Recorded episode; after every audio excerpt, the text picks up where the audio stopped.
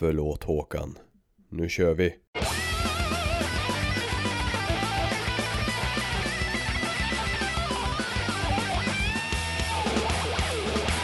Hej kära lyssnare och hjärtligt välkomna ska ni vara till D-takt Tärningar och livet avsnitt 7 Woho! är det va? Ja, det är sju. Woho Björn!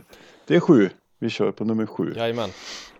Spännande, vi har lyckats göra sex avsnitt podd och det här är vårt sjunde. Det är ju lite roligt tycker jag. Ja, även när vi gör podd så kommer sju efter sex. Ja, Det är fan inte dåligt. trots, brits, tro- trots bristande matematikkunskaper så kan det vara så. Japp. Eh, det, men det är trevligt. Och eh, vi har ju hämtat oss efter denna kavalkad av Arvika-festivaler som vi gick igenom med Davids hjälp förra gången. Det var ett mycket trevligt avsnitt. Absolut. Eh, så där, så att, ja, ja, jag är lite, vi, vi har ju spånat på lite fler gäster så att eh, vi får se vad vi hittar på framöver tycker jag. Ja, detta är ju en podd om D-takt, det vill säga musik och tärningar, det vill säga spel och livet, vilket dagens avsnitt kommer att handla ganska mycket om tror jag. Ja, eller kanske slutet av livet i princip. Slutet av livet, ja precis. Vi ska inte, vi, vi, vi, det kommer att bli lite roligare än så, vi ska inte deppa ner oss totalt, men det blir lite allvar idag tänker vi. Vi, vi tror väl att det ska bli intressant i alla fall, tänker jag. Ja, det får, ja, det får vi hoppas. Ja, Den här podden den görs i samarbete med Spelgeek.com, en sajt om spel och Ofog och Motvalls, ett skivbolag för arga, korta, snabba låtar.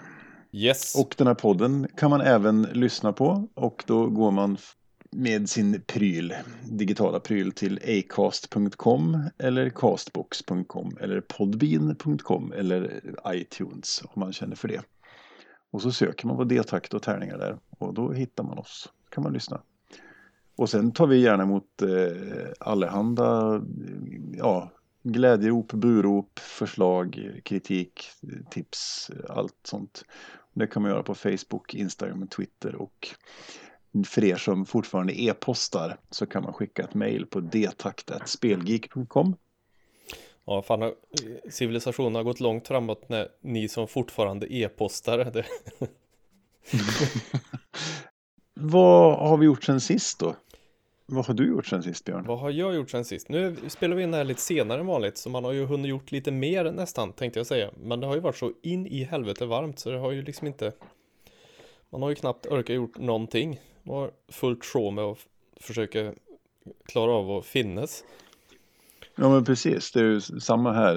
Jag är helt enig. Det är... Ja, och eh, dessutom idag då när vi sa att ja, vi spelar in på onsdag då, det blir ju bra. Nej, då var det ju värme, hade vi ju någon slags värmerekord där idag, så det var ju typ 30 grader ute. Ja, eh, exakt samma här. Ja, Jag klev upp i morse och hade på mig, hade inga shorts så jag fick ta långbyxor och det var ju döden Oj, oj, oj. utan dess like. det var Men så kan det orutinerat. gå. Ja, verkligen. Eh, nej, men så direkt efter jobbet så for jag hem, packade väskan och så drog jag till The Beach Mm, och la mig som en klubbad säl där i skuggan. ja, vad gött. Var, vart du lite blöt om kroppen också? Ja, det blev, det blev premiärbad. Så eh, det var riktigt gott. Det var säkert en 24-25 grader tänker jag. Gött. Fan vad nice. Mm.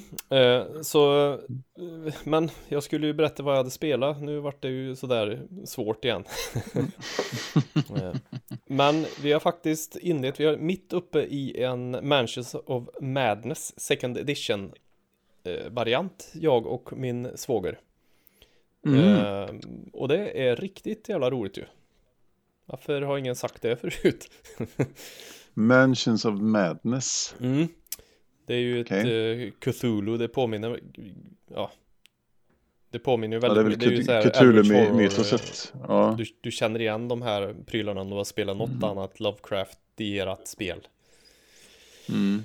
Eh, Men det är ganska coolt för det är appdrivet, så du har en app framme på datorn eller på typ paddan eller vad du nu har som, som berättar för dig vad du ska göra liksom, eller vad som händer och, och så vidare. Så. ja, det är app-driven. Ja, det Gaming. var riktigt jävla coolt faktiskt. Och co-op-spel då.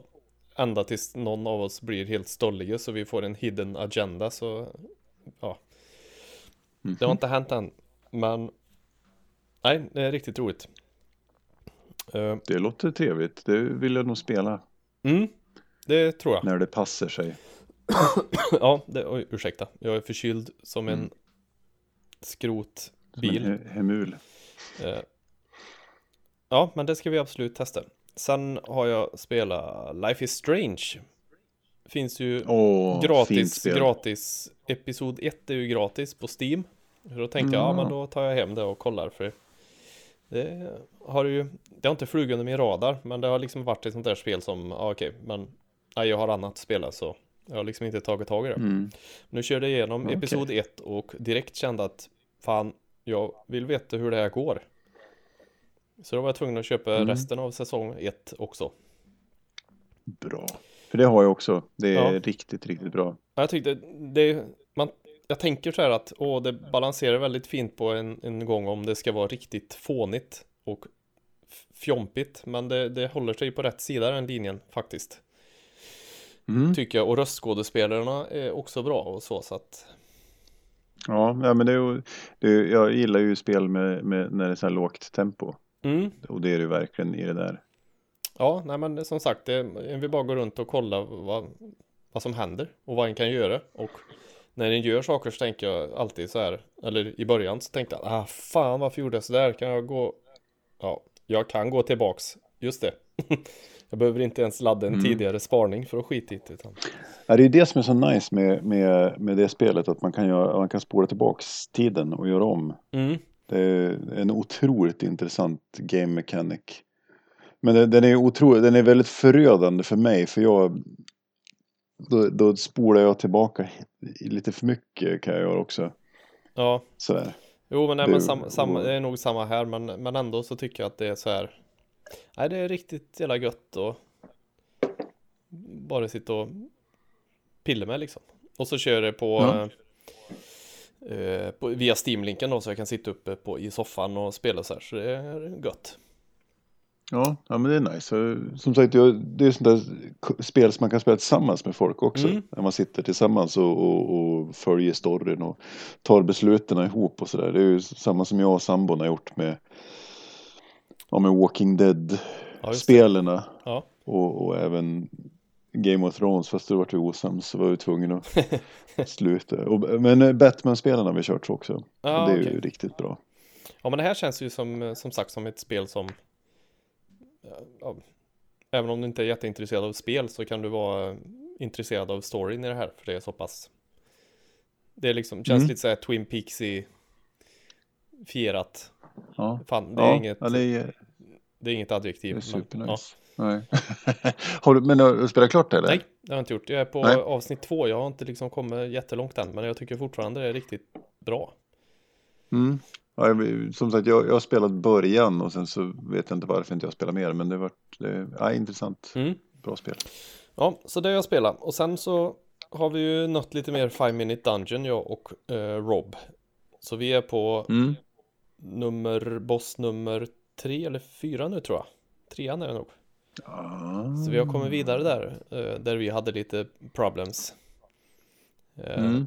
Men det är ju svårt och det är ju hektiskt. Vi har ju fått köra om några gånger då, såklart. Eh, Ja, men ni har, ni har lyckats liksom att ja, det har vi faktiskt komma någon vart i alla Mm. fall. Ja, det är, det är riktigt jävla roligt. Fort, jag får säga det igen.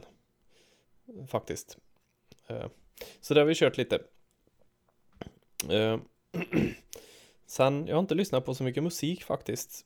Eh, Så det har jag ingenting att, att komma med.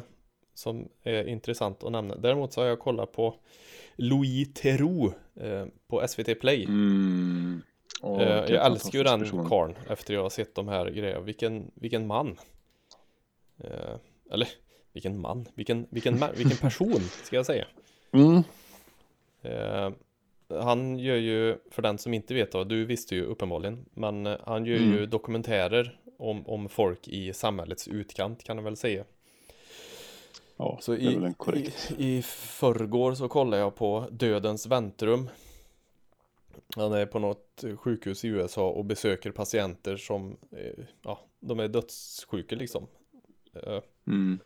och i princip inne i det sista den svåra sista perioden av sitt liv som vi skulle sagt om det hade varit i början på den här podden.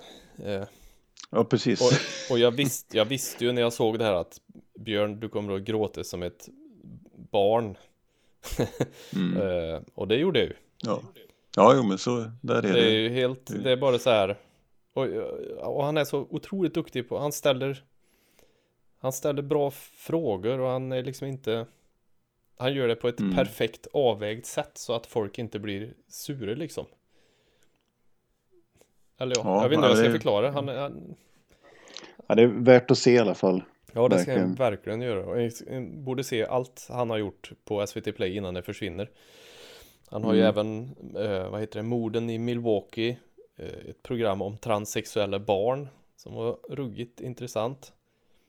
Eh, om en Mm. Och- stad som är drabb väldigt drabbad av heroin och, eh, och så. Så att som sagt, det är riktigt bra dokumentärer. Entimmesavsnitt tror jag det Mm. är. Mm. Ja, Mm. bra grejer. Mm. Så Som sagt, duk... jag drar mina, på- drar mina sista två grejer jag har gjort. Förlåt att jag avbröt dig. Mm. Eh, Ja, du... Jag har ju läst reglerna till Monster of the Week.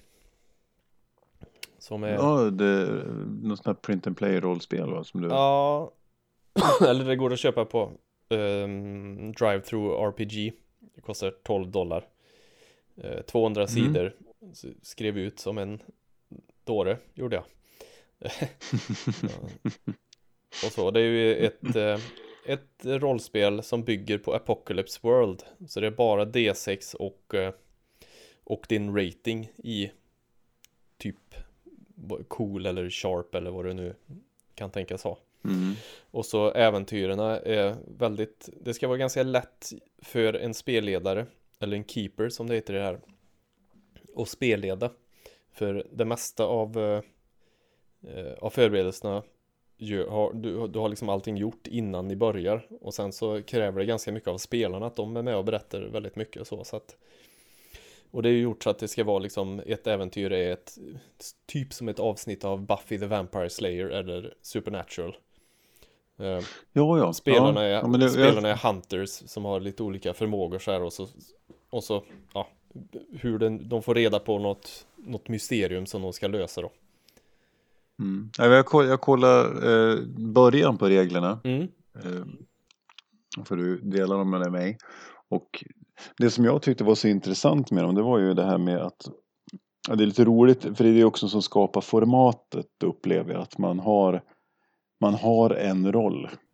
Och Mm. då, då är man the chosen one eller man är utomjordingen som hjälper till eller man är liksom the tank eller man är den som har de psykiska förmågorna eller vad det nu är. Ja. Och, och så bygger man ett, det finns en sån i varje sällskap och så har man liksom konstruerat formen och sen kan man nästintill spela det spelledarlöst också om jag fattar det rätt. Nej, inte riktigt spelledarlöst kan du inte göra. Du måste fortfarande Nej. ha någon som styr över NPCs och eh, ja, monster och storyn överlag så då. Men, men Mm. som sagt, eh, det är uppbyggt på det sättet att du har liksom, det är väl i princip alla rollspel mer eller mindre uppbyggt att du har några NPCs som de kom, som spelarna kommer att stöta på. Du har några locations. Du har vad det är för monster och sen så har de någonting som heter countdown så eh, varje äventyr går i sex steg. Mm. Så först då är vad som händer som gör att ja, spelarna blir intresserade av det här fallet. Liksom det kan vara om det är någon släkting som blir bortrövad av vampyrer eller vad fan det nu kan vara. Och sen så har du sex steg ner som händer då off-screen i princip om inte spelarna ingriper. Vad händer? Och då får man ju avväga som spelledare då att ja, nu har nu ska det här hända såvida inte de har liksom tagit bort den möjligheten. Ja, okej. Och så det blir värre och värre. låter- Efter sex steg det- så är det liksom Charmageddon. Då är det Schermageddon. Ja. Ja. Ja. men det, det låter lite som när man, nu har jag begränsad erfarenhet men jag spelade Vampire på Gotcon 96. Mm. Och det, det är ju, då har man ju en bestämd tid och då lägger man ju upp äventyret så också att spelarna får en viss tid på sig att att det var, för vi hade fem timmars sittningar och då efter fyra timmar hade de oavsett vart de hade kommit så, så efter fyra timmar så skulle jag gå in i, i slutfasen i endgame liksom. Ja, just det. Och beroende, och beroende då på hur långt de hade kommit så lyckades de olika bra helt enkelt. Ja, precis. Det, det, det, låter lite så som att man styr formatet och det är ju jätteintressant för då, då kan man ju styra det till att ha kortare och begränsade möten också. Det blir inga evighetskampanjer. Liksom. Ja, det är ju lite så att jag har ju som vanligt med allt jag gör eftersom jag är bakslug. Nej, det är jag inte. Men min tanke är ju att jag ska försöka få grepp om det här och sen göra så att vi kan spela in så här en timmes avsnitt alla rollspelsklubben av när vi spelar. Ja, du tänker så. Ja. Vad trevligt. Ja, jag är på. Jag är på. Ja, ja jag förstår. Ja, det som finns säkert alltid. fler som är på. Men jag måste bara få lite mm. testspela så man får lite grepp om det här någon gång. Så mm. ja. ja, vad har jag gjort då? Eh, jag, jag har faktiskt gjort väldigt mycket, samma som dig. Jag har förgåtts av solsken och värme. Mm -hmm. Och det är väl förmätet att klaga men så är det. Ja, det, det, men det är trevligt med sol också. Det är fantastiskt trevligt. Eh, och detta har lett fram till att jag idag premiärbadade efter jobbet. Tog Oj, årets samma som mig första alltså. dopp. Ja, jo, men det, och det, känner man mig då vet man ju att jag gillar ju vatten i fryst form i, mer än i blöt form så att säga. Eh, så att det, det är ju inte många som det är få förunnat som har sett mig bada så att säga. Ja, okej. Okay. Du är lite som eh, Näcken eller? Eh, ja, precis. De som har sett har inte överlevt. precis. De som har sett mig bada har inte överlevt. Exakt så. Eh, nej, så här är det. Vi, vi spelade in förra avsnittet ute, ute i våran sommarstuga i Hungvik mm. utanför Arvika. Och eh, då hade jag och sambon och katterna flyttat ut hit för att ha en långhelg här. Eh, och vi har ju inte flyttat hem sedan dess. så att säga. Ja, just det. Riktigt lång helg. Det blev en jättelång helg på tre och en halv vecka. Så att, eh, men på söndag blir det hem tillbaka i alla fall till lägenheten. Jag har bott någon natt där så jag varit och repa i stan och sånt där. Men det är ju så varmt i den lägenheten så man vill inte leva där heller. Så att, eh, här finns det ju en sån här värmepump som man kan dra på 16 grader kyla på liksom. Och så bara sitta och mysa. Och sen som av en händelse så har vi kommit igång och repat med The Random Victims, mitt gamla rock'n'roll-band där jag spelar trummor. Och det är så right. hysteriskt kul. Ja, vi har repat en gång. Vi ska repa igen imorgon. Det kommer bli svinkul. Sådär. Så det, det är riktigt roligt. Och sen, hör och häpna, så det händer ju inte ofta i mitt liv att jag deltar i små tävlingar. Men det gjorde jag. Och Asså? vann. Så eh, jag vann ett spel. Det var jättetrevligt. Eh, på den fantastiska sajten Eurogames.se. Eh, som drivs Jaha. av en kille som heter Marcus. Där man, det var en sån här eh, dela och gilla tävling och jag brukar så här, orka aldrig och göra sånt. Men här tänkte jag så här, fan här ska jag göra. Jag gillar spel och, och så någon som startat upp en egen liten spelbutik, en online-shop och såna grejer. Så skulle han lotta ut ett spel. Så skulle man gilla och dela och så skulle man skriva vilket spel man ville ha. Och så gick jag och vann. Så jag fick idag Clans of Caledonia Oj. Ett sånt här Eurogame, Worker Placement, eh, Resource Management. Det har ju fått jättebra betyg, varit med på massa topplistor som bästa spelare 2017 och så vidare. Oh ja, så det har jag suttit idag när jag kom hem från jobbet efter jag hade badat och punchade en miljon små prylar och har sorterat ja. upp det i påsar. Jag kan lägga med en bild i, i dokumentet här Så får ni se. Ja. Det är hur mycket grejer som helst. Det är liksom tokens till förbannelse, små träbitar överallt och, och sådana här punchboards eh, grejer. Så det ska bli jätteroligt. Så tack så mycket Marcus på Eurogames.se. Och vill man köpa bra eurospel, det vill säga Eurogames för den som inte vet det då, det är ju alltså spel som är lite mer som klassas som alltså strategiska spel. Man, motsvarigheten brukar man kalla för Ameritrash. Och det är ju spel som då förlitar sig på tur mycket mer och på tur och slump. Alltså att det händer saker som du inte kan förutspå. Medan Eurogames är ju alltså mer långsiktigt tänk och strategi och så vidare. Så det, det, är intressant. Så det ska bli jätteroligt. Så jag ska sätta mig och läsa lite eh, regler här och eh, ja, och lite sådana saker. Så får vi se om jag lyckas skrämma ihop en spelomgång i helgen här i alla fall. Och, och skriver väl en, en recension på spelgeek.com tänkte jag. Jag tycker jag. Så får vi se. Men som, som sagt, eh, Eurogames.se får vi ju framhålla som ett bra ställe där man kan köpa sina spel helt enkelt. Ja. Eh, ja, eh, vidare då, det jag faktiskt har spelat. Vi hade våran spelkväll i tisdags förra veckan. Jag var inte med igår. Eh, och då, då spelade vi ett typiskt icke-Eurogame då. Ett riktigt Ameritrash. så att säga. Ja. Eh, som hette The Dragon and Flagon. Eh, ett sånt fler, vi var ju åtta pers liksom.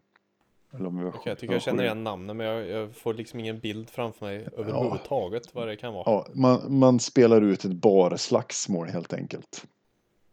Oj, det lät roligt. Ja, det, det jag tror du skulle gilla det mer än jag gillar det faktiskt. Eh, det, det är det, man har en karaktär och så har man en, en, en hand med olika kort och så lägger man, planerar man alltid två, rund, två actions i förväg. Och beroende på initiativ och vad man har gjort innan så får man utföra sin action. Så om, om jag väljer att plocka upp den här, det här ölstopet och sen så vill jag kasta det rakt framåt. Men då är det så att du, du har lyckats göra någonting så du har ändå flyttat det så jag missar dig med mitt ölstop och såna grejer. Jag, jag ska knuffa ett bord eller rycka undan en matta så du ramlar och såna grejer. Och såna Fan, det låter ju asroligt. Ja, men kolla in det. Det, det. The Dragon and Flagon. Jag, jag var så här måttligt road. Ja, Det är ju kul, men, men det var lite för mycket slump och, och lite sådana grejer. Så att det- Så det har jag spelat och sen så avslutade vi spelkvällen med eh, ett spel som jag tror jag måste köpa som heter Roll for it. Det tycker jag är riktigt trevligt och så spelar man upp till åtta pers. Det kan ju vara någonting, om jag inte har nämnt det för dig förut, kan vara någonting för Jag känner igen det. ta med på jobbet. Men, eh, Eh, Man har ett set med sex tärningar i åtta färger. Så man kan vara åtta spelare. Och så har man en lek med kort som man blandar och så lägger man upp tre, fyra stycken eller vad det är. Beroende på hur många spelare man är. jo, men det här har du nog pratat om. Ja, och, Tror jag. I något avsnitt. ja, och så är, får, är de värda olika poäng de här korten. Så slår man sina tärningar och så ska man samla på de här korten och så är det då eh, två, tre, fyra på ena kortet. Och så är det fyra sexer på det andra kortet. Och sen är det två tvåor och två fyror på det tredje kortet. Och då, ska man, då kan man spara sina tärningar vid de här korten och ska försöka vinna dem då. Genom att gå runt, runt och slå sina tärningar. Och det är Det riktigt, var någon norrman som hade gjort detta va? Eller? Vet jag faktiskt. ihop det med något annat nu. Det var Ja, något annat kortspel som det var någon norrman som hade gjort som vi pratade om gång. Men det kanske inte var det. ja, det var inte det här, utan det här är ett, re- med bara tärningar liksom. Eh, men det, som sagt, det rekommenderar jag. Det är riktigt trevligt. Det tror jag måste köpa faktiskt för att ha sådär ett bra fillerspel. För det är så. Okej. Och man är, det är två till åtta spelare och man, är man en fyra, fem så är det ganska bra. Vi har som sagt kört på både sju och åtta och det, det är ju lite roligt. Man, man kör, det går ganska fort. Det tar en halvtimme att spela liksom. Och det är absolut inte regeltungt eller något sånt där heller. Så rekommenderas varmt. Roll for it. Eh, och sen då så har jag ju backat Five Minute Dungeon på Kickstarter. Ja, eftersom, härligt. eftersom det är där då, inklusive den nya expansionen eh, och allting. Så att, eh, Grattis. Ja, så där, där är vi. Ja, det, det var ett, en, en, en no-brainer för det är ju, ju ett eh, det är ju ett genialt spel så att ja, ja. det ska bli väldigt spännande. Så jag tänkte jag behövde ha en, en, en kopia av det. Så. Ja. Eh, så det vi har spelat. Sen, sen har jag jag köpte mig en longboard häromdagen. En longboard ja. En longboard Ja, det, som det är en jag. skateboard longboard. Köpte här jag. Jag har min gode vän Thomas som har tjatat lite grann och tänkte att vad fan och så fick av en händelse så fick jag tag på en en begagnad. Så för en billig peng. Tack Johan Hagstedt. Eh, Ah, okej. Så, så den köpte jag och det är ju helt fantastiskt. Fan vad mysigt det var att ligga och gå och glida. Och speciellt i det här, i det här vädret. Jag var ute igår kväll liksom mellan, ja, efter nio liksom och sparkade mig runt stan. Och myste. Otroligt Ja, det fint. förstår jag. Fan, du får ju leta upp en, eh, en eh, ramp och åka i. Med longboarden ja. Ja, ja, ja jo. Det, McTwist. Med McTwist på longboard ja. Så, så, det, så det, det, det, tror jag kommer bli sommarens. Det är lite ålderskris är det men, men vad fan. Det är trevligt då. Eh, Så det ska jag försöka få medlemskap i Thomas longboardklubb här. Broken, Bone longboard, Broken Bones longboard club. Okej. Det, Kriminellt gäng. Ja, eh, problemet är att han är den enda medlemmen och för att få medlemskap så krävs det ett beslut av två aktiva medlemmar. Det är lite som Svenska Akademin. Ja, ja, okej, okej.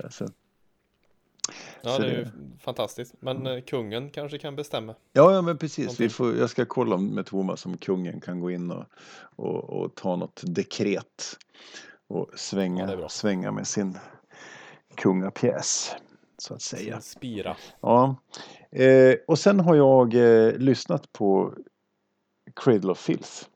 Har jag lyssnat jättemycket på. Ja, det sk- skrev du någonting om ja. Ja, Såg men, och det är så här, det, jag har haft sån här skov senaste månaden. Jag går all in på, på ett band och så bara lyssnar igenom så här. Fan vad bra det är. Och Mm. Ja, framförallt är det ju det, ja, den, den första skivan som jag lyssnade på med dem som heter Nymfetamin som kom början på 2000-talet någonstans där 2003 eller något sånt där. Som är riktigt, riktigt bra. Men även de här tidiga plattorna är ju, ja, det, det är fint. Så det har jag lyssnat på, så att säga. Yes. Mm, Okej. tack för det. Veckans tema på detta avsnitt efter vi har avverkat all obligatorisk inledning är ju lite apokalyps. Postapokalyps. Precis, det är lite tyngre än vanligt känner jag. Ja, det är lite tyngre än vanligt men vi hoppas att ingen ska börja gråta av detta. Det började som någon slags idé om, om eh, någonting som jag hade hört på en föreläsning om, om lite olika sätt att se på framtiden. Att det finns, man kan kategorisera hur man, hur man förutspår framtiden eh, på ett antal olika sätt och ett antal olika perspektiv. Och så har vi vridit och vänt på det här och eh, vi kom fram till att vi, vi har en frågeställning som vi tar och så diskuterar vi den och så ser vi vart vi landar helt enkelt. Och den frågeställningen är Blir det någon jävla apokalyps eller? Ja, precis.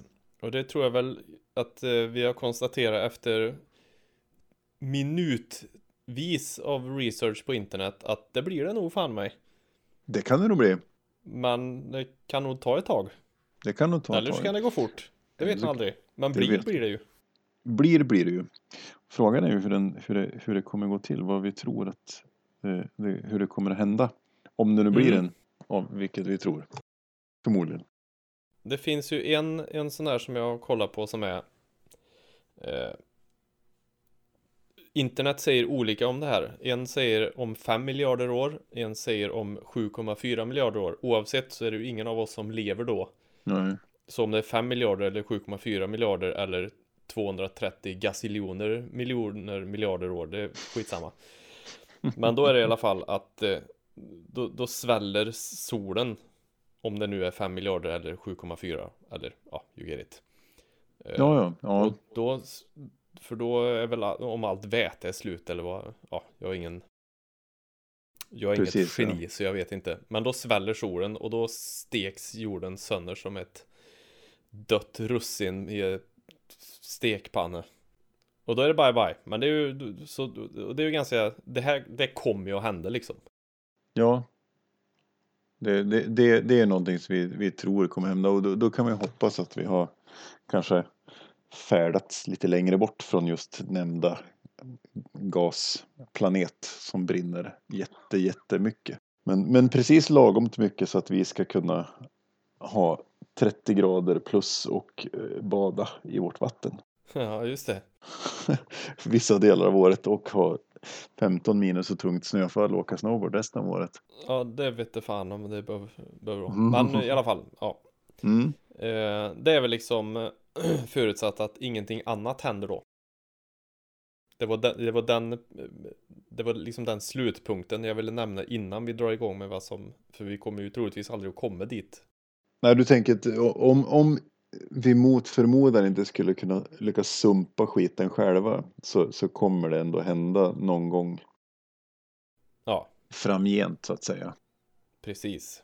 Och då i att solen expanderar och sväljer egentligen hela all, alla. Eh, ja, ja, det kommer ju att bli, det kommer att bli varmt. Ja, för, för många planeter eh, runt omkring så. Men det är ju, det är ju så det är. så är det. Men vad tänker man annars då? För, för alla andra varianter är ju då i så fall skulle jag säga om man nu inte har någon slags Area 51 eh, att man tror att utomjordingarna kommer och bankar oss i huvudet eller eh, vogonerna spränger jorden för att göra en, en intergalaktisk motorväg eller vad man nu Ja, vad, vad man nu tänker så, så är det väl ändå så att det är väl det finns inga fel i systemet. Det är du som är problemet. Alltså det är vi människor som kommer att sumpa det. ja är det det du tänker? Det är inte bara, det finns ju lite olika varianter som kan hända faktiskt. Mhm. Hur Eh, tänker du då? Jag tänker ju det här klassiska att det kommer en komet eller asteroid som vi inte kan flytta på. Ja, ja, ja det är förstås. Medelst örfiler och eh, hot om repressalier. Utan den kommer bara, alltså det är ju det som, som hände då, var det Mexiko den slog ner i.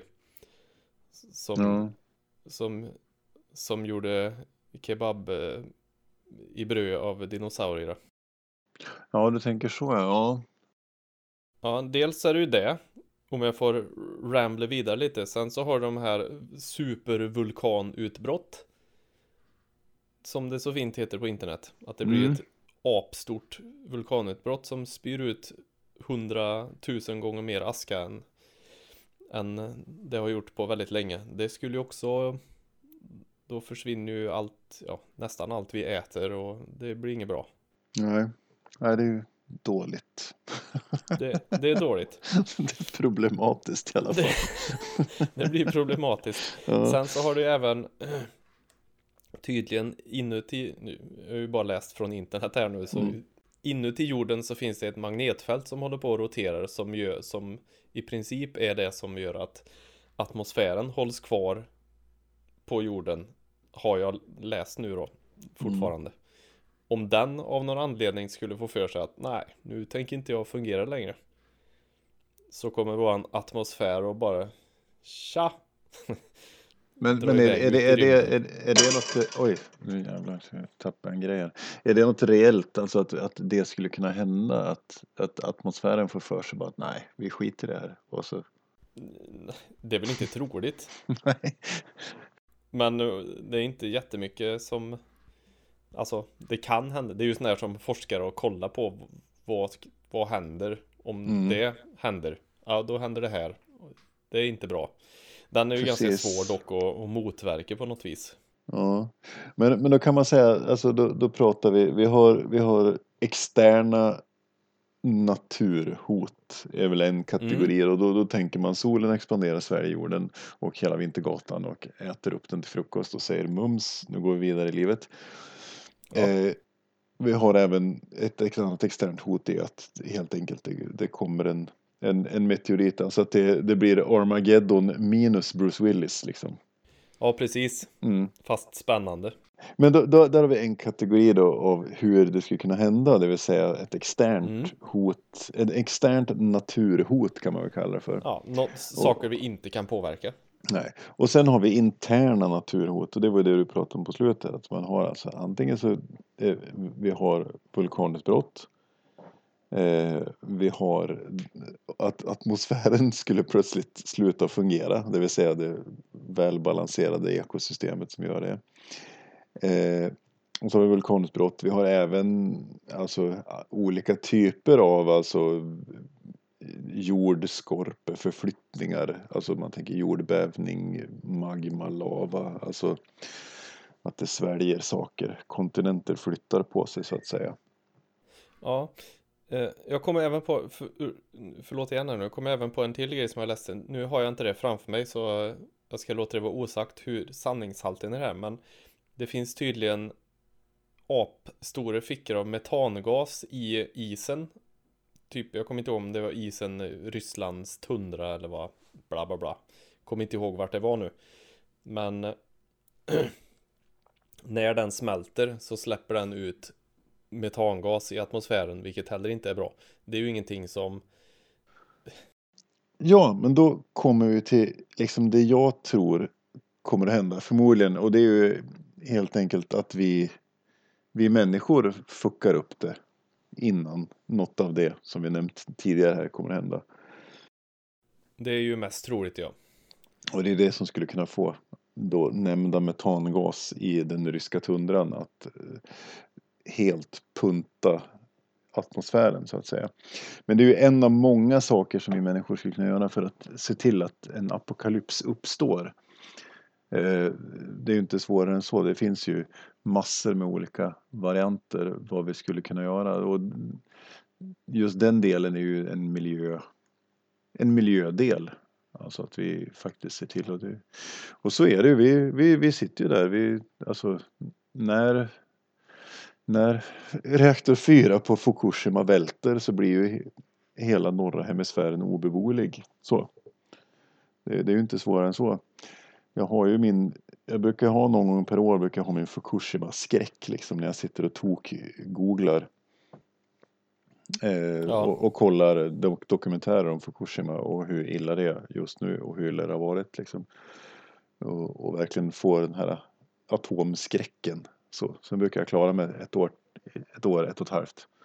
Men eh, ja, det, det är lite så. Nej, det är inte roligt. Det är inte roligt, men det, det är ju, det är ju, där, det är ju reella, reella hot, liksom, både miljön och, och, och, och den biten. Så, att, eh, det skulle man kunna tro. Och sen så vet man ju inte, alltså ett, ett, ett, ett, ett, en konflikt, en väpnad konflikt med eh, vapen som faktiskt ställer till det på allvar är ju Ja, är ju, är ju också nära förestående. Alltså om man tittar på den här eh, tokfan i, i USA liksom.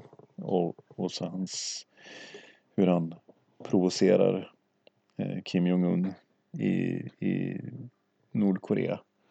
Det, är- Ja. ju inte det det är ju inte konstigt att det ska kunna smälla där då, så att eh, Alltså där har vi en till då, mm, någon kärnvapenkrig. Mm.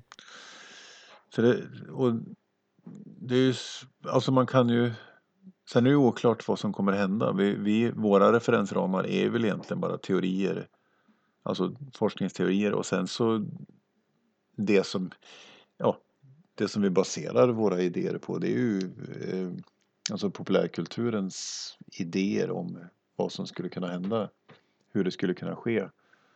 Eh, om det blir en ett zombie outbreak eller om det blir, ja, vad det nu blir liksom. Det är det är ju det man har som, eh, som referens när det gäller den här biten.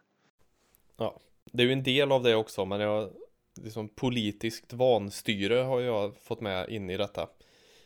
Typ Mm. att de lägger som till exempel då Nordkorea, de skiter fullständigt i miljö och allting utan de pumpar in alla pengar i kärnvapen och inte bara de kanske utan det är ju flera som alla länder lider väl mer eller mindre av ett politiskt vanstyre kan man väl säga. Mm. Vi, vi borrar ner huvudet i grus och släpar ansiktet rätt in i en kackelvägg. En kackelvägg, ja. Ja, men vi vet vad som kommer att hända, men vi gör ju inte nog åt det liksom. Mm. Nej, men jag, jag, jag satt och funderade på det här vad, vad, man, vad man tänker just om, om framtiden och, och vad som händer före eller efter apokalypsen eller något sånt där. Så, så tänkte jag ändå så att det, man kan ju se två tänkbara framtider oavsett på något vis. Men jag tänker, eh, någonting som jag tror kommer hända det är ju att vi kommer att ha ett högteknologiskt framtida samhälle där framförallt är det AI alltså artificiell intelligens kommer ha en väldigt stor roll. Sen om det blir att den AI kommer att vara orsaken till apokalypsen, tänk Terminator, den är när Skynet becomes self-aware och då står för apokalypsen eller om det är så att AI hjälper oss att faktiskt bli bättre och undvika apokalypsen. Det vore ju helt fantastiskt om det var så. Ja, sen har du ju också, jag har också med AI på min naturligtvis. Eh, Eh, Det är också liksom om AI blir så bra så att den kan reproducera sig själv och förbättra sig själv och sen kommer på att vänta här nu, om jorden ska inte gå under så är det nog bra om vi tar bort lite människor. Mm. Eller alla människor. Ja men precis. Och då är, har man inte satt sig i en jättebra situation. Nej men verkligen inte och det, det är det som är just skrämmande med den biten då, om, om AI skulle vara roten till att jorden, alltså att vi får en, en apokalyps eller det kanske inte är en apokalyps utan man, man har ett, ett, ett eh, genetiskt skapat virus som slår ut hela mänskligheten och, och sen lever jorden lycklig alla sina dagar liksom. Kan ju faktiskt vara så att det bästa för jorden är om människan försvinner. Det är ju Precis. inte omöjligt. Det är ju inte omöjligt att det skulle kunna vara det också. Eller så, så alltså, om man tänker då att man har ett, en, ett utopiskt samhälle då som undgår en apokalyps, alltså där man, där man alltså med, alltså jag tror, jag är så cynisk, jag tror tyvärr inte det kommer hända, men, men det skulle kunna hända också. Man hoppas ju att, det, att man får, Att, att, du, du drar den igen. Att att, att, vi, utopi. att det, vi får ett utopiskt samhälle som, som faktiskt med hjälp av teknologisk utveckling och AI och allt vad det innebär faktiskt blir ett bättre samhälle än det vi har idag. Att vi, att vi, Ja, att det vi, hade ju varit eh, Det hade ju varit lysande men jag tror att människan är alldeles för Vad heter det? Jump the gun Mm, för att det ska bli så. ja, därför jag, jag tog liksom två perspektiv på vad som händer fram till en apokalyps liksom på något vis. Och det är ett utopiskt samhälle med jämställdhet och man, man framhäver intelligens och kunskap och kvalitet och man har enighet globalt, man har skrotat nationer och gränser och man tror på godhet och man liksom det, det skulle ju kunna uppstå med hjälp av teknologin på något vis om, om man vill vara väldigt om man vill ha liksom en, en god syn på framtiden, en naiv god syn så Typ som en reset av eh, samhället i princip. ja, nej men, men tänk, tänk Eller civilisationen kanske Ja, man ska säga. ja, men tänk första Star Trek-serien lite grann. När man har alltså en, en, en, en enad mänsklighet som, som med nyfikenhet letar sig ut i rymden och, och liksom har direktiv att inte skada. Utan det handlar om att, ut, att utforska, liksom, att, att bara vara intresserad, alltså som ett, nästan som ett barns nyfikenhet på världen. Och, och det, det är ju liksom Ja. den, den ultimata utopin som, som faktiskt skulle kunna göra att vi också undviker en, en apokalyps. Liksom. Ja, ursäkta att jag skrattade där eh, till mitt i, men jag satt, satt för mig själv och, och tänkte Star Treks To boldly go where no man has ever gone before Eller vad, vad det nu är så tänkte jag om det var istället för bold, boldly Om det var boldly som är skallig Det var det jag fnissade åt, förlåt eh, Mm. Ja, nej men det hade ju varit eh, Ja, ja, det hade varför varit, inte? Ja, det var jättefint. vill ju, en vill ju egentligen vara positiv till apokalypsen, vi nu ska Ja, men nu tror inte jag Säger att det så. blir så. Nu tror jag att vi kommer att hamna i ett überkapitalistiskt samhälle där man framhäver yta och enkelhet och dumhet. Och vi ser ju redan hur nationer låser in sig och människor blir mer och mer inskränkta och man fokuserar på skillnader istället för likheter. Och, och det är ju bara att titta på svensk valrö- valrörelse 2018 liksom. Hur den, hur den ser ut när vi har tidigare folkliga partier som står och spyr ur sig rasistisk skit i media liksom och sådär. Har faktiskt eh, På tal om, om eh, vart vi är på väg Ursäkta igen Så kollar jag faktiskt på en lite kanske ovanlig apokalypsfilm Men Idiocracy Ja, Det känns lite som att den, det är ju en film av Mike Judge när en väldigt medelintelligent person som jobbar i armén blir nerfryst och ska vara borta i, vad är det, ett år eller någonting tror jag. De ska frysa ner han ett år och precis efter han har blivit nerfryst så eh, då slopas det här he- topphemliga militärprojektet och de bara river bort allt där han ligger så han försvinner i han blir bortglömd helt enkelt mm. och är ne- nedsövd i tusen år kanske? Five centuries in the future står det på IMDB. Så 500 Ja, år. tänkte, se där. Och i alla fall då så är det ju Man får se i början så här så får man ju se karriärparet som intervjuar som Nej vi ska satsa på karriären, vi ska inte skaffa barn Mm. Vi ska ta det när tillfälle blir rätt Och så får man se nästa, då är det någon sån här trailer trash manager som bara göker hej vilt och får hur mycket barn som helst Mm. Det blir liksom en degenerering där då, så när han vaknar upp och när de här karriärparen väl ska skaffa barn, då går det ju inte naturligtvis. Nej. Eh, det... Så när han vaknar upp där då, five centuries later, så är han ju världens smartaste person. Just ja. Ja, gud. är Det... Den är, den, den, den, alltså den är ganska lökig, men den är fortfarande, jag tycker att den är rolig. Den, är, den är rolig, men den är också inte rolig för att det, vi är på väg dit. alltså, Ja, alltså den, bygger, den bygger ju på teorin att man har då premierat eh, dumma, alltså man, man har hyllat dumma människor, tänk dokusåpor och liknande. Och så är det de som har då satt den genetiska prägen på mänskligheten framgent. Det vill säga det är, de, det är de människorna som har fått störst uppmärksamhet och fått fortplanta sig på bästa sätt.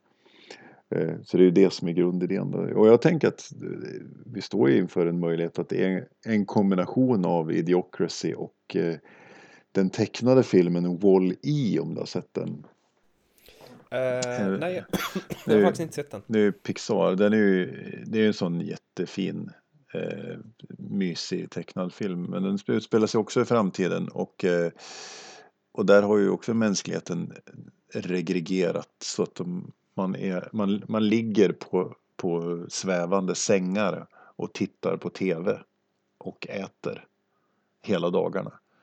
Och Wall-E är ju, alltså då, och så har man gett fan i, i miljön. Så att Wall-E är ju en skräpsorteringsrobot.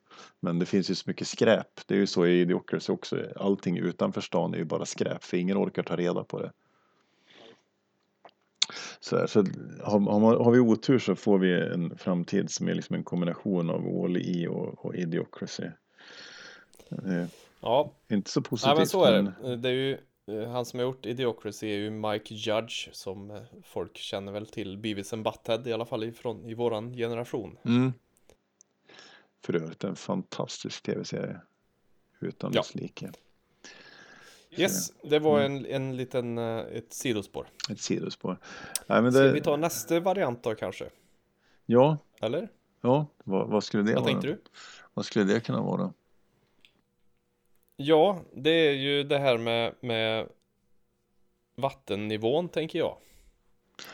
Ja, då är vi, då är vi på Det miljö, i kombination med växthuseffekten då. miljöaspekten igen då. Ja, Ja, precis. Eh, De, de tänker ju, vad jag läst så tänker de ju om de hade räknat ut att om, om all is smälter på hela jorden så stiger havsnivån med 70 meter. Det är ganska mycket land som försvinner bort. det är ganska mycket land som försvinner. Ja. Ja. Det är enorma mängder. Får tänka det. Och även då, och även då så skulle snitttemperaturen höjas från 14, nu är jag inte säker på att jag kommer ihåg rätt, men från 14,4 grader till 26,6 grader här där vi är tror jag.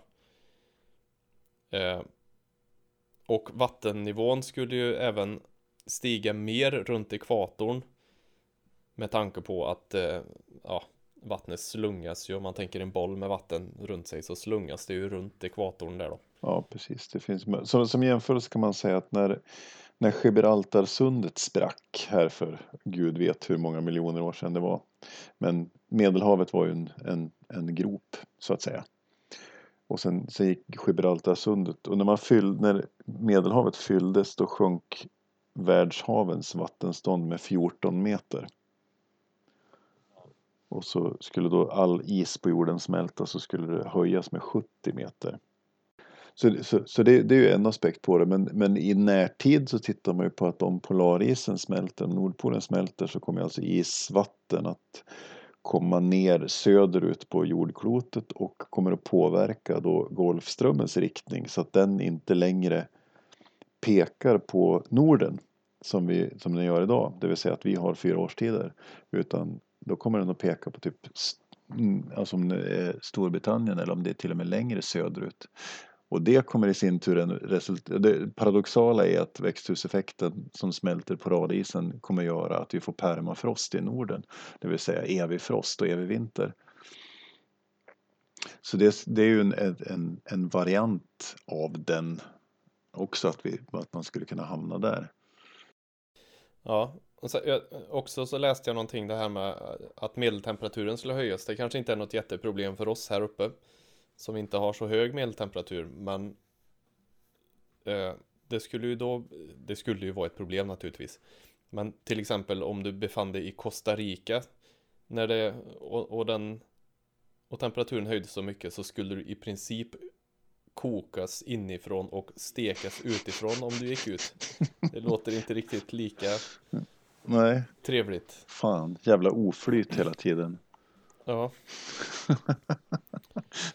ja. Du skrattar. Jo, ja, men det, det, det är jag min skrattade åt ditt Star Trek förut, Ja, det går bra. jag får skratta, skratta åt att du kokas inifrån och steks utifrån. Tyckte jag var roligt. Ja, du blir pocherad. Ja, precis. Nej, men eh, eh, det är ju ett problem och det här är ju någonting som eh, det här händer ju. Även om vi skulle sluta sluta vårat koldioxidutsläpp nu så skulle det fortsätta växthuseffekten fortsätter ju ändå.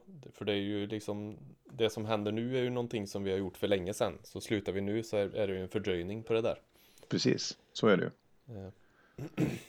så det är ju bara att se vad som händer Mm, ja, det vi får se. Eh, vi vi får, får se framtiden an här helt enkelt. Nu har vi varit väldigt, vi, vi, ingen av oss är ju speciellt hoppfull.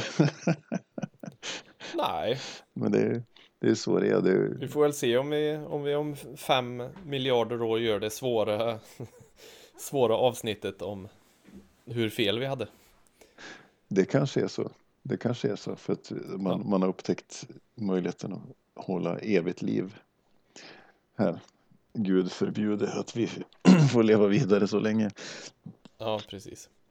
Eh, ska vi ta något mer eller ska vi avsluta där och gå in på topp tre-listan tro? Jag funderar på om det finns något mer. Det gör det. Det finns, Det eh, finns väldigt syntetisk, bi syntetisk biologi till exempel. Och nanoteknik och så vidare. Nanoteknik eh, vet vi ju inte riktigt vad det har för effekter på saker, på naturen och så vidare. Nej. Och syntetisk biologi var ju 1970 80 tror jag det var någon som, som lyckas framställa en syntetisk gen. Och där har vi ju också ett problem som hänger ihop lite, kanske samma som artificiell intelligens. Och det är ju någonting som det håller på att forskas på nu också tydligen, som fan. Mm. Eh, det kan ju vara riktigt otäckt. Ja, ja, det finns ju många varianter på det och då, nu har vi inte en, ändå inte ens pratat om, om en biologisk katastrof, det vill säga ett virusutbrott eller alltså Nej, precis, en pandemi. En pandemi som man tänker också där, där, där vi har, där vi ser att naturen av sig själv mer eller mindre försöker kontrollera den överbefolkning som, som jorden står inför, så att säga. Ja. Det kan vara det i kombination med att eh, vattnet stiger så alla fattiga länder och temperaturen stiger så alla fattiga länder det blir obeboeligt där plus att det finns väldigt mycket mindre landyta att leva på plus då att när det finns väldigt mycket land, mindre landyta att leva på så blir det ju genast mindre mat. Precis, och ökade konflikter.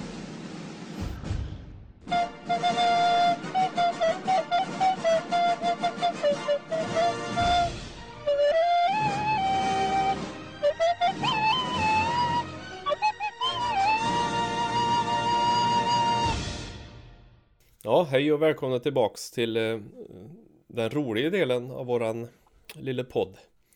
Eh, I alla fall det här avsnittet. Eh, vi ska avsluta med en, en topp tre. Och inte vilken topp tre som helst utan topp tre intressanta postapokalyptiska samhällen beskrivna i populärkultur. Och där utbryter applåder och jubel av, all, från alla de som lyssnar. Jubel, jubel mm. och grejer. Så ja, och eh, vi kör väl igång. Ingen idé att spilla någon tid. Vem ska inleda detta tycker jag? Gör det du, för du känns som eh, du är närmare apokalypsen än vad jag är tänkte jag säga. Mm, ja, då ska jag ta en, en postapokalyps som eh, vi faktiskt varit inne på lite grann. Mm. Eh, och den här är lite oväntad eh, och det är Waterworld. Mm. Den har jag också eh, tänkt på. Den är inte med på min Då, lista dock. Nej, men det, det var en sån där som jag kände att fan den här är just utifrån att den är så den, den skulle kunna liksom. Det, det, är en potentiell. Det är väl det. Idén med den här topp 3 var att man skulle hitta liksom tre postapokalyptiska samhällen beskrivna populärkultur som ändå har, de behöver inte vara bra, de behöver inte vara dåliga, men det, det ska vara något intressant. Liksom. Det ska mm. vara någonting som man går igång på. Och det gör jag med, med Waterworld här. Det är för de som mot förmodan inte vet vad det är. Så löp och titta direkt. Det är ju en film från 95 med eh, Kevin Costner i huvudrollen och den, den utspelar sig då det är inte uttalat i filmen men det har sagts i någon intervju att den ska utspelas ungefär år 2500. Sådär. Ja. Eh, och det, det som är grejen då det är att all is på hela planeten har smält. All is på planeten jorden har smält och hela jorden är tänkt med vatten. Så att människorna bor då i liksom flytande atoller och livnär sig där då. Och så. Och, och de här flyter runt och man reser mellan de här atollerna med båtar liksom och så. Och sen finns det då något magiskt som kallas för dryland. Och det är liksom, det är det som är plotten i det här hela, att man ska hitta det här dryland. Alltså det är helt enkelt torrt, torrt land. Alltså, för det har de inte sett på tusen, eller på ett par hundra år. Eh, och sen har det, har det liksom utvecklats på något vis också. Huvudpersonen har faktiskt, han har ju muterat eh, gälar också. Så att det, det, har ju skett på ett par hundra år, har faktiskt skett en mutation också av människan för att anpassa, till, anpassa sig till för, för det kan det också anspela som... till att det har, har varit någon slags kärnvapen något, något sånt kan det vara, jag har inte tänkt på förrän precis ja. i detta nu. För att det är ju ganska snabbt ändå, 500 år typ att få gärdar. Tänker jag. Mm. Riktigt så kvick och rapp är inte evolutionen. Nej, jag vet inte. För det, det är inget uttalat att, att det är Nej. varför, varför Nej, de det har... bara slog mig som en eh, tanke här nu. Nej, så det, har man liksom, utan det, det är så att de, de smälte under 2000-talet. Så är Ja. det. Men, men sen vet man inte riktigt varför de smälte så. så men, men det kan ju tro att man har, men andra, ja. Man, Ja. Som sagt, mutation har skett. Men det, är, det, det blir ett intressant koncept liksom att man, man ändå tittar på vad, vad händer och, och ändå det, det är ju en, en positivistisk syn på det också för människan överlever. Människan är en överlevare och, och, och ja, tar det man har. Och nu, han är ju så jävla rapp och simmar då, Kevin Costner, för han har lite så simhud mellan tårna och fingrarna också. Så han är nere på botten och hämtar saker. Och, Mm. eh, och även, alltså de är nere vid något tillfälle i någon stad också och tittar i en översvämmad stad. Så. Det var riktigt Så länge sedan jag såg den faktiskt. Det kanske Ja. får bli en åter. Jag vill minnas att jag tänkte, åh, Mad Max fast på vatten. Mm. Det var ju faktiskt eh, världens dyraste film just när den gjorde Mm. 95. Ja, just det. Så. Och Jag kommer ihåg när är- jag såg den jag- första gången så var jag lite lätt besviken har jag för mig. Men jag, då hade jag nog andra referensramar för eh, vad, vad jag egentligen tyckte om, eller vad man ska säga. Jag kommer ihåg jag var ganska koncentrerad på att Kevin Costners frisyr hade blivit digitalt restaurerad, sades det. Men jag vet inte om det var så eller inte. Åh jävlar. Ja, ja, det är spännande. Eh, Men det, så, så är det. Jag, var också väldigt länge sedan jag såg den. Men det är en intressant story. Som, en, som ett sidospår då så ser jag här att den har nominerats. Den nominerades ju för Oscar för Best Sound. Lite grejer. Bästa frisyr. Bästa frisyr, precis. Men eh, Dennis Hopper fick faktiskt en Golden Raspberry Awards för Worst Supporting Actor. Ja. Fast Dennis Hopper, jag gillar honom. Ja. Det är Ja, liksom. han, han är bra. Det, sen blev det spin-offs, det var ju, vart ju videospel och, och, och grejer också. Alltså tv-spel. Det Både kan ju inte ha blivit någon hit för det har nog Jag som i princip har spelat allting har aldrig hört talas om det där tror jag. Mm. Ja, det står så här att det, vart, det släpptes till Super Nintendo, Game Boy, Boy, Virtual Boy och PC. Det skulle släppas till Genesis men blev nedstängt och blev bara eh, Sega Saturn eller något sånt där. Och, Mm. Spännande, Okej, spännande. Nu måste jag dra det här när du sa nerstängt Water World. Ha? Mm, Nerstängt. nedstängt. Ja. Oh, oh, dumt. oh. Här lägger jag in lite applåder. Ja, eh, Eh, var det ta din- din nummer tre var det istället. nummer tre? Mm. Ja. Mm. Eh, min nummer tre då är eh, från Metro 2033, boken av Andrei Glukovsky. Eh, som eh, utspelar sig, de är då i Moskvas tunnelbanesystem efter ett kärnvapenkrig. Som gör att det inte går att vara uppe på ytan. Jag vet inte, har du läst den eller? Ja, jag har läst den första Ja, eh, och även spelat delar av första spelet. ja, samma här. Jag har den andra Metro 2034 Fyra. Mm. Eh, och så finns det en tredje också. Det är en trilogi. tagit mig igenom den. Ja, det är okej. Ett, ett snälla, innan du går vidare så måste jag bara säga om man får tag på 2033, Metro 2033 och ska läsa den. Eh, kolla sist i boken för där är kartan över tunnelbanesystemet. Ja, precis. Så att, så att du inte gör som jag, läser hela boken, är sjukt frustrerad på att ha ingen koll på vart de är och sen när du har läst epilogen får reda på att där finns det en karta över tunnelbanesystemet. så kolla upp det Ja. innan. Så ja, fortsätt. Ja, nej men eh, det det är väl egentligen det och, och han eh, protagonisten i boken då som heter Artyom eh, ger sig ut på en resa som eh, ja, han måste ta sig igenom Moskvas metro då som det kallas.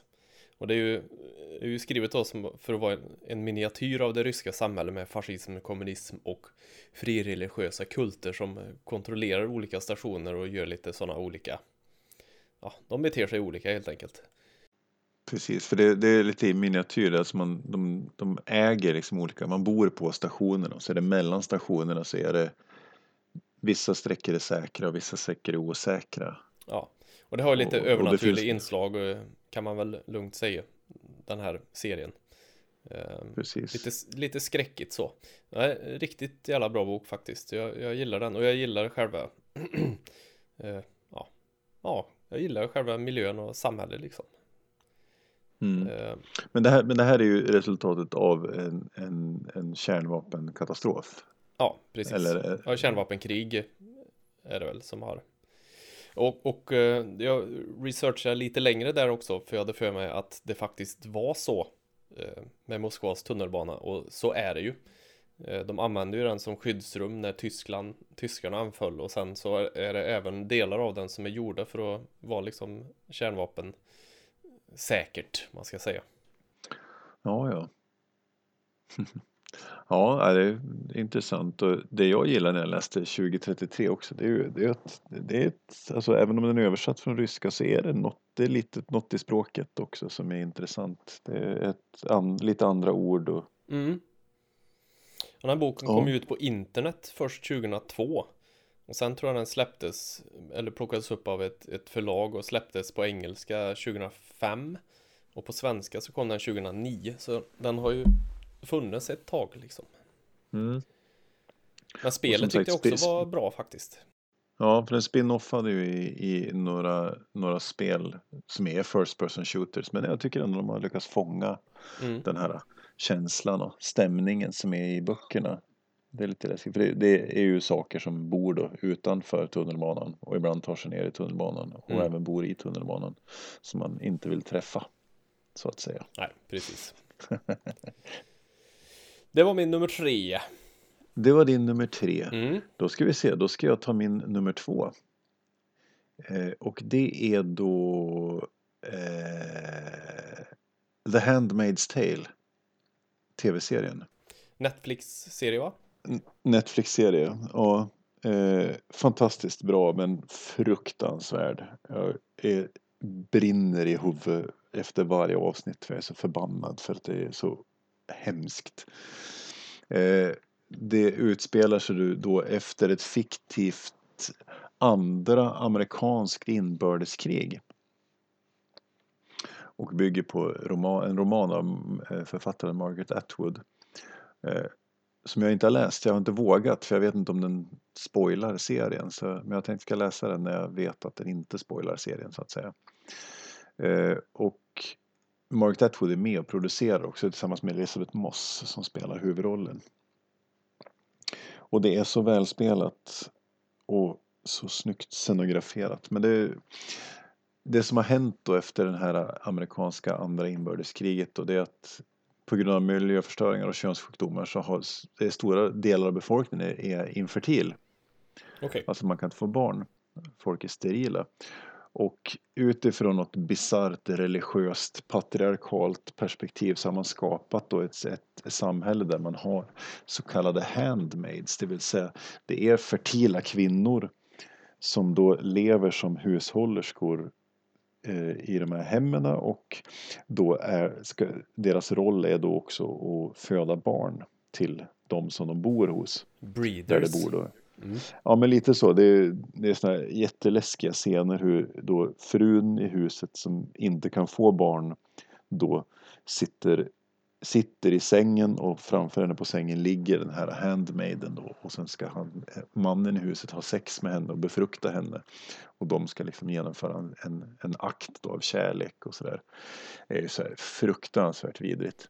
Okej Det Det är här vill jag liksom- nog inte är- se Ja, det, det, men det är så välgjort men, men som man är så förbannad efter varje avsnitt för det är så hemskt. Och det är så här ett jättesegregerat samhälle och, och man har styrt upp det är framförallt så är det ett patriarkalt, patriarkalt samhälle man styr kvinnans roll hela tiden.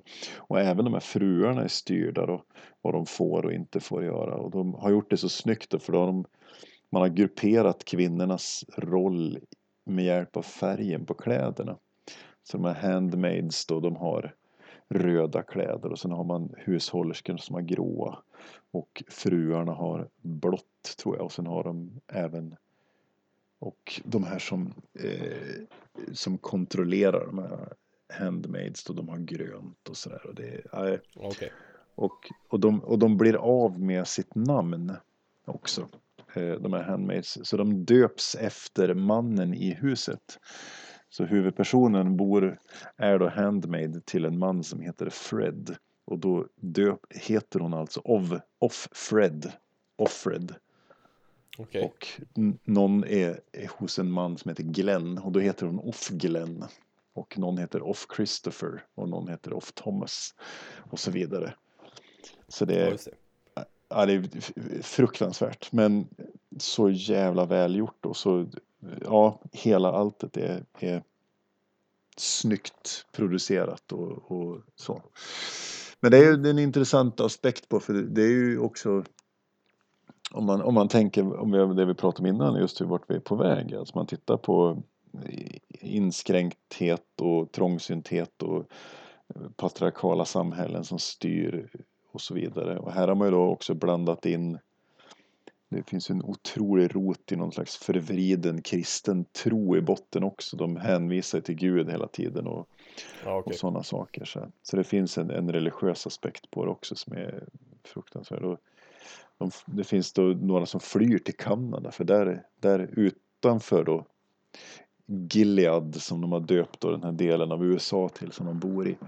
Så, så är, liksom, är det ändå ett normalt samhälle. Så, men det, Jag tänker också det, Ja. det här med, vi pratade om apokalypsen förut ju, och nu med för den delen, men Dels har man ju, i några av de fallen vi tog så har det miljöaspekten, vad som händer när vattnet stiger och så vidare. Eh, och att folk Folk inte kan bo där de vill eller ja, eller ja, och de tar sig inte därifrån. Det är också den här aspekten med att eh, vad det gör med segregeringen. Det kommer ju att liksom cementera eller det kommer att bli ännu större klyftor mellan de rika och fattiga när det här händer. Naturligtvis. Jag kanske säger sånt som är obvious nu, men man tänker oftast på att ah, ja, det blir lite kallare eller blir lite varmare eller väldigt mycket varmare. Men det är ju också det här att eh, det kommer att bli sämre om jag uttrycker mig så. Vi kommer att ta sju mila kliv tillbaka bakåt i I utvecklingen. ja, Mm. Visst är det så. Absolut. Ja, eh, den går just nu på, på eh, Nej, den går inte på Netflix, den går på, på HBO, tror jag. okej. Så är det, så den, de släpper Men avsnitt den för fanns på Netflix va? Ja, kanske säsong ett som finns där då. Okej. Men, eh, men säsong två går just nu då Mm. eh, på HBO. Så att, eh, ja, rekommenderas, men är hemsk. Så att säga. Ja. Det var min nummer två. Ja, då kör jag min nummer två här då och det är Day of the Triffids Mhm. om det är något du känner till. Ja, det är väl en gammal klassisk sci-fi. Ja, Gammalt klassiskt sci-fi upplägg va? ja, det, slags ja, det är en bok som- av John Wyndham från 1951. Eh, Trifidernas dag heter den på svenska. Men vi vill inte prata svenska tänkte jag säga. Men Day of the Triffids heter den i alla fall och det är då eh, ett, ett meteorregn som är väldigt ovanligt och ser väldigt fräsigt ut. Mm. Så hela, hela jorden står ute och kollar på det där och de rapporterar om det på tv och radio och överallt liksom. Bara, Åh, gå ut och kolla, det är ashäftigt. Vi får bara se det en gång, så alla gör ju det här då. Eller i alla fall de allra, allra flesta på jorden. Mm. Eh, vilket gör att dagen efter så är alla blinda. Ingen ser någonting. Och det är ju för att de har kollat på det här då, uppenbarligen. Eh, och då är det ju protagonisten i den här filmen är en kille som heter Bill Mason som jobbar på en trifidfarm. Och trifider är nog genetiskt framtagna stora växter som de utvinner. Jag kommer inte ihåg om det är olja eller någonting från för att driva någon, någon växtolja som kan driva bilar och maskiner och sånt där. Har jag för mig. Ja, Okej, ja, det är så länge sedan jag såg och läste den. här, Så att, eh, Ja, eh, och, och han ligger på sjukhus då, eh, gör han i början på filmen. Han har fått ett trifidsting. De har ju långa tentakler typ som de förblindar djur och människor med innan så att de blir hjälplösa helt enkelt. Och sen käkar mm. de upp dem. Så han har ju bandage framför ögonen så han kan ju inte se på det här eh, meteorregnet. Så han är ju vakna upp på sjukhus och, och bara ja nu nu ska de ju ta av mitt bandage här men vart är de? Och till slut så tar han ju av själv upptäcker att alla är blinda, det är liksom kaos överallt. Mm. Eh, och bränner då ut i stan helt enkelt och stöter på diverse människor som några, några ser ju och är väldigt så här inte mm. trevliga. Men det är ett jävligt coolt upplägg tycker jag. Även om egentligen man kan ja. byta ut köttätande blommor mot zombies eller vad som helst så tycker jag de trifider det blir bättre när det är växter. Det ser ut som de förvuxna påskliljor liksom. De går ganska långsamt ja. men, men. Ja, ja men det är, det är väl konceptet för han är inte ensam som inte är, är blind då. Nej, han har möter några likasinnade som har också lyckats missa det här. Ja. Ja. Uh, och det är då ja. en bok från 1951, det sa jag. Men sen gjordes det även en film 1963. Uh, eh, den har jag inte sett, men jag har sett BBC gjorde en miniserie 1981. Den är det jag har sett. Den är riktigt jäkla bra. Och sen så kom det en miniserie till som en remake då 2009 som gick på Netflix. Jag tror inte den gör det längre, men. Ja, okej. Okay. Uh, den har jag inte jag kollat heller så. Men den är riktigt, för, riktigt bra. Jag har sett, skön, sett någon skön... film eller någonting. Men, Va, ja. Vad sa du? Jag får mig sett någon filmatisering av det, men mm. jag vet inte. Det är riktigt eh, god dystopisk känsla har de fått till på den tycker jag. Mm. Vad gött. Ja, men då, det är alltså att de här växterna får någon slags spunk av de här meteorerna också. Och tar ja, över, jag liksom. kommer inte ihåg. De tar sig lös bara. Allting, det är så det är, ja. Ja, det kan ju vara så blind, att det är någon sån här eh, djur, djurrättsaktivist som tycker att eh, trifider är också, har också känslor och släpper ut dem liksom. Och när hela jorden är blind så är det ju ett smorgasbord för dem. mm. Spännande. Mm. Ja, eh, din nummer två var Day of the Triffids. Ja. Helt enkelt. Då går vi in på nummer ett. En valfri... Ja. En kalkonfanfar uppenbarligen. Mm. eh, ja, då skulle jag vilja säga, då har jag valt eh, The Passage-trilogin. Eh, det är en serie av tre böcker av en författare som heter Justin Cronin som består av tre böcker. Den första heter The Passage, den andra heter The Twelve och den tredje heter The City of Mirrors. Mm. Kom, började 2010, andra kom 2012 och tredje kom 2016. Och den här väljer jag för att den, den, är, den är så fantastiskt välskriven och beskriven den här världen. Eh, och själva språket i böckerna och allting. Det är så mycket som är så bra.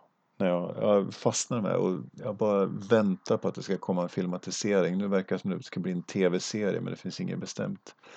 Eh, den hoppar lite fram och tillbaka i tid och post, själva apokalypsen är ett virus som sprids. Man, det är några forskare som är i Sydamerika och får med sig ett virus hem från någon slags fladdermus som till en början då boostar kroppen men sen ska, liksom får de en total inre blö, alltså total blödning så de förblöder och dör. Mm. Och, eh, en, frå en, fråga, heter The Passage typ flickan som försvann eller någonting? På svenska, vet du det? Jag tror jag har den här eh, boken uppe nämligen, jag har fått låna den och jag har börjat läsa men inte läst färdigt. Det kanske den heter. Jag har ju läst den på engelska. Ja. Jag vä vägrar läsa på, på något annat än originalspråk. ja, ja, jag kan ju inte säga om jag, han vill att jag ska låna den. Bara, nej du. Engelska, då får du köpa den på engelska. Nej, okej. Okay. Precis. Skit, mm. parentes, fortsätt du. Nej. Men det som händer är att man börjar testa det här viruset då. Och eftersom det då inledningsvis boostar fysik och psykisk förmåga så blir det ett militärt projekt, hemligt projekt. Och då, test, och då, och då testar man det på ett antal dödsdömda fångar. Man tar dem liksom från, istället för att de får gå till stolen så får de gå in i en, i en bil liksom och så åker de iväg till ett hemligt testcentra. Och sen går det ju helt åt helvete så att säga. Ja.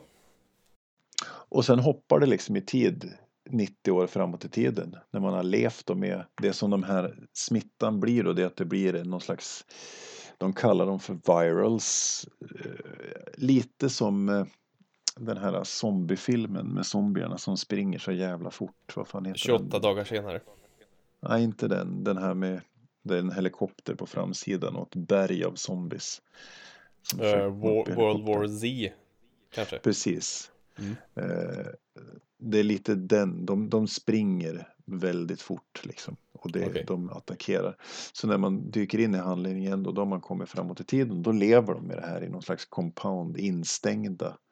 Och, och möter det här hotet varje med jämna mellanrum. Då, att de blir anfallna av de här varelserna. Okej. Och sen får man följa ett antal huvudpersoner över tid där och man får även, det blandas fram och tillbaka över alla tre böckerna egentligen så man till slut får en förståelse för vad som hände och hur det gick till. Och sen hela storyn då fram till fram igenom det här då. Och det nej, rekommenderar så otroligt varmt för jag tycker det är så otroligt välskrivet. Och så är det ett sätt att han har beskrivit, det är liksom realistiskt också om man bortser från att det virusinfekterade vampyrliknande monster som Ja, ja. jagar människor och äter upp dem. Eh, så, så är det väldigt Sverigedemokrater. beskrivet. Det är Ja, verklighetsbaserat. precis. Verkligen. Nej, men så, så är det otroligt realistiskt, deras resa. Så här. Och sen har han liksom byggt in, det finns ett jättedjup i karaktärerna. Och sen har han liksom lyckats bygga in någon slags känsla av att det kommer att gå åt helvete. Man känner det hela tiden, även de här lugna stunderna när de, de hittar en, en, en bondgård där de slår sig ner och bor. Och så plötsligt har det gått ett halvår för att de slog sig ner och bodde där och, och ville leva vanligt liv. Det finns liksom ett djup i mänskliga psyket att den här jakten att ta sig vidare den kanske inte, vi, vi behöver ta en paus från den och då Ja, okej. plötsligt gick det sex månader. Men man känner hela tiden så att fan, det är, någonting kommer hända. Snart händer det, snart skiter det sig liksom. Ja, just det. Sådär, så att eh, det, otroligt välskrivet, en jättebra trilogi som jag hoppas alla läser för att det är så jättebra och jag hoppas det kommer en tv-serie. Eh, det som är lite intressant är ju att, eh, att den, den köptes ju upp ganska tidigt hela måste jag dubbelkolla här var lite snabbt. Den köptes ju ganska tidigt av Ridley Scott Okej. redan, in, redan innan boken, första boken var släppt.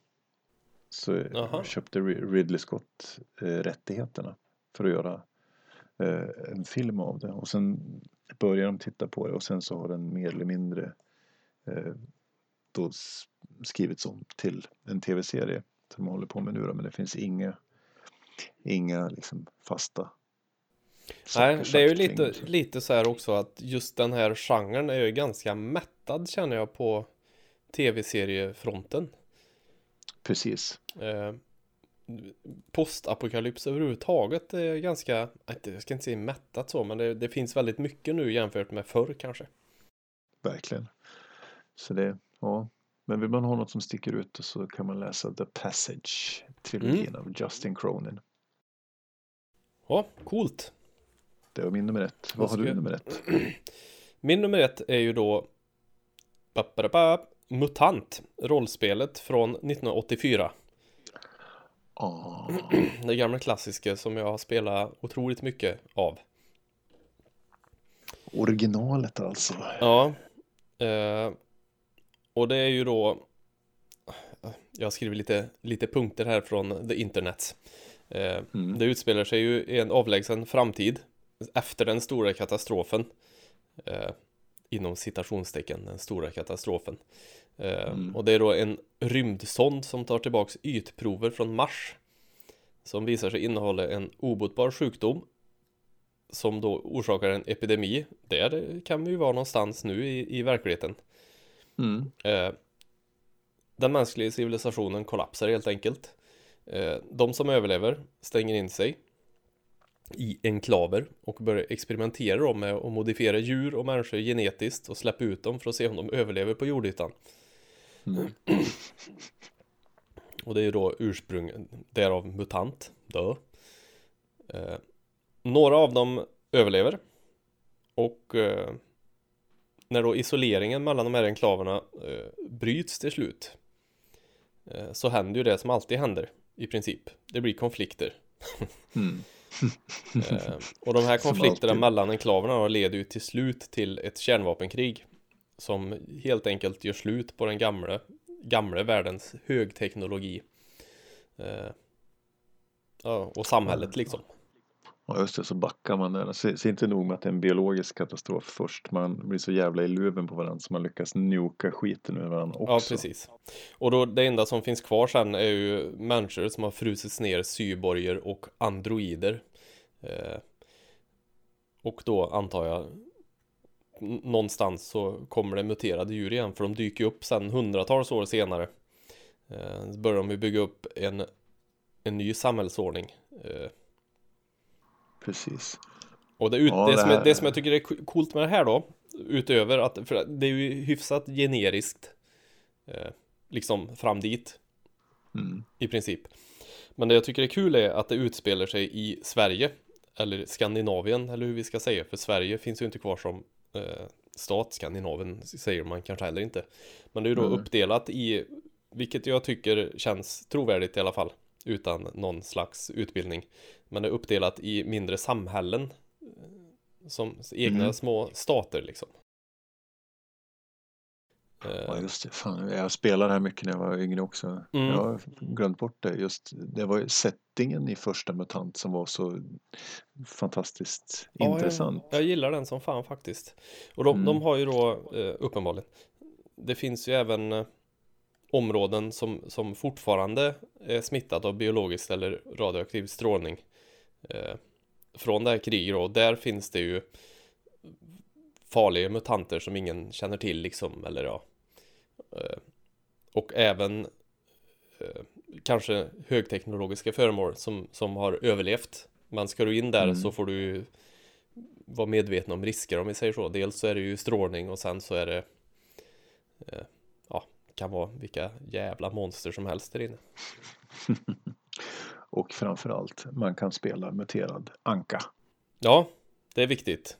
Det är viktigt och det är för den som känner till MUTANT, första MUTANT här så är det ju att det är en klassisk eh, teckning av, vad heter han, är det Anders Blixt som han heter? Eh, ja, det gör de. Eller? Nej, vänta här nu. Det är någon som heter Nils Gulliksson, men det är kanske han som Gull, gör... Gull, Gulliksson är det som har ritat, Anders Blix Ja. som har skapat, varit med och Ja, skapat det. det. Eller inte kanske det, men han har varit med och skapat många svenska rollspel. Eh, Yes. Men det, det är precis, det är Nils Gulliksen som har, som har ritat det. Som är, är, är artisten. Yes, Eh. och även så finns det ju rubbitar, så det, men det är ett helt eget avsnitt. Mm. Det, det tar vi då. Ta en annan gång. Nej, men det rekommenderar jag. Så, det var den. Sen Trevligt. har vi ju bubblare. Så Idiocracy borde ju vara med som bubblare då. Som... Ja, ja, verkligen. Ja, du ska se min bubblalista. Jag, jag, Ja. jag, tar inte, jag tar inte alla. Men Nej, det kommer i Men- dokumentet sen. ja, jag tar som, nå, någon, några bo, böcker så skulle jag kunna säga eh, The Girl with All the Gifts är ju en hit. Vad sa du? The Girl. Without? the Girl with All the Gifts. Jaha, okej. Eh, bra bok, bra film. Se den. Ja. Eh, och eh, även Pestens tid kan man ta och läsa. Stephen Kings, ett, Stephen Kings mästerverk. Mm, den är bra. Pestens tid. Slut eh, ballar du lite som vanligt när det gäller Stephen King, men Ja, jo, men så är det. Och sen finns det ju tv-film kan man ju också hålla på. Men där skulle jag ju vilja eh, plocka ut Judge Dredd låg ju nära till alltså på min topp tre. Jag ja, den tänkte jag stort- också på. Stort Judge Dredd-fan. Och det är ju fantastiskt bra. Eh, och sen Terminator-serierna. Alltså när, apropå AI som kom, blir self-aware och tar över och förstör. Ja, Eh, så. Jag har ingen, jag har faktiskt ingen på min bubblalista, men jag kom på en nu, uh, Nitro Kid. Har du sett den Okej. filmen? Nej, jag missade. Okej, jag tror en, om det är någon Netflix-film eller vad fasen det var jag kollade på. Det är Mhm. också så här framtiden. De bara Det låter nice. cyklar, ja, framtiden. Det låter bra. Mm. Eh, nej men de eh, åker runt på cykel och det är, det är någon slags splatter. Eh, ja det är Mad Max fast som har cyklar istället för bilar och så är det en liten unge som hittar en sån eh, superhjältedräkt så han kan skjuta laserstrålar och grejer. Michael Mm. Ironside är med. Väldigt, väldigt eh, bra skådis tycker jag. Ja, det brukar ju inte borga för så god kvalitet, men ja, Vad säger du där nu? tycker vi olika. Eh, sen tittar jag på spelfronten här och då, det var också så, Fallout var ju väldigt nära att komma med. Mm, Spel, PC-spelet Fallout, det är ju Ja, en fantastisk värld också som är otroligt intressant och väl uppbyggd liksom. Så, och eh, ja, det är ju också ett post-up och verkligen. Man vaknar upp i en bunker och ska ge sig ut i världen. Och Ja, betalar med kapsyler liksom. Nuka Cola. Nuka Cola, precis. Och bygger vapen av benar, ben och kvistar liksom. Ja, jag Ja, skulle kunna jag rabbla, ju- rabbla bubblare Ja. hela dagen. Men Jag skulle få ju skjuva in eh, The Last of Us där också då. mm, det tycker jag. Absolut. Eh, som en, det är ju, Fantastiskt trevligt. ja, ja, det bör en spela helt enkelt. Mm. Ja, nu tror jag fan inte vi hinner med mer. Grymt. Nej, nu får det vara nog. Nu har vi pratat så mycket om jordens undergångar så nu ska jag försöka sova på det här. Då. Ja, det kommer inte jag ha några problem med tror jag. Nej, det kommer nog gå bra. Ja. Eh, ja, tack så mycket till er som har tagit er ända hit utan att börja gråta. Eh, för att citera Kalle Lind, nästa vecka ska vi prata om någonting helt annat faktiskt, tänker jag. Ja, jag kan Eh, också lyssnat- tycka att ni gärna får eh, in och recensera och ge oss fem stjärnor, helst på iTunes.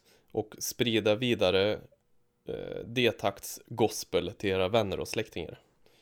Gjort. It's värt. Eh, ni har lyssnat på avsnitt sju av D-tack tärningar och livet med mig Niklas och dig. Björn. För det sa vi inte i början, det här avsnittet, så det säger vi nu. Mhm. Eh, man lyssnar på nämnda kanaler, Acast, Castbox, Podbean och iTunes. Och så kan man kontakta oss på Facebook, Twitter, Instagram och kan man e-posta på detaktatspelgeek.com. Och vi tar jättegärna emot saker och ting. Allt möjligt. Det gör vi. Det gör vi. Eh, med det så säger vi nog tack för idag. Det gör vi också. Det gör vi också. Tack Puss och och kläm. hej. Outro!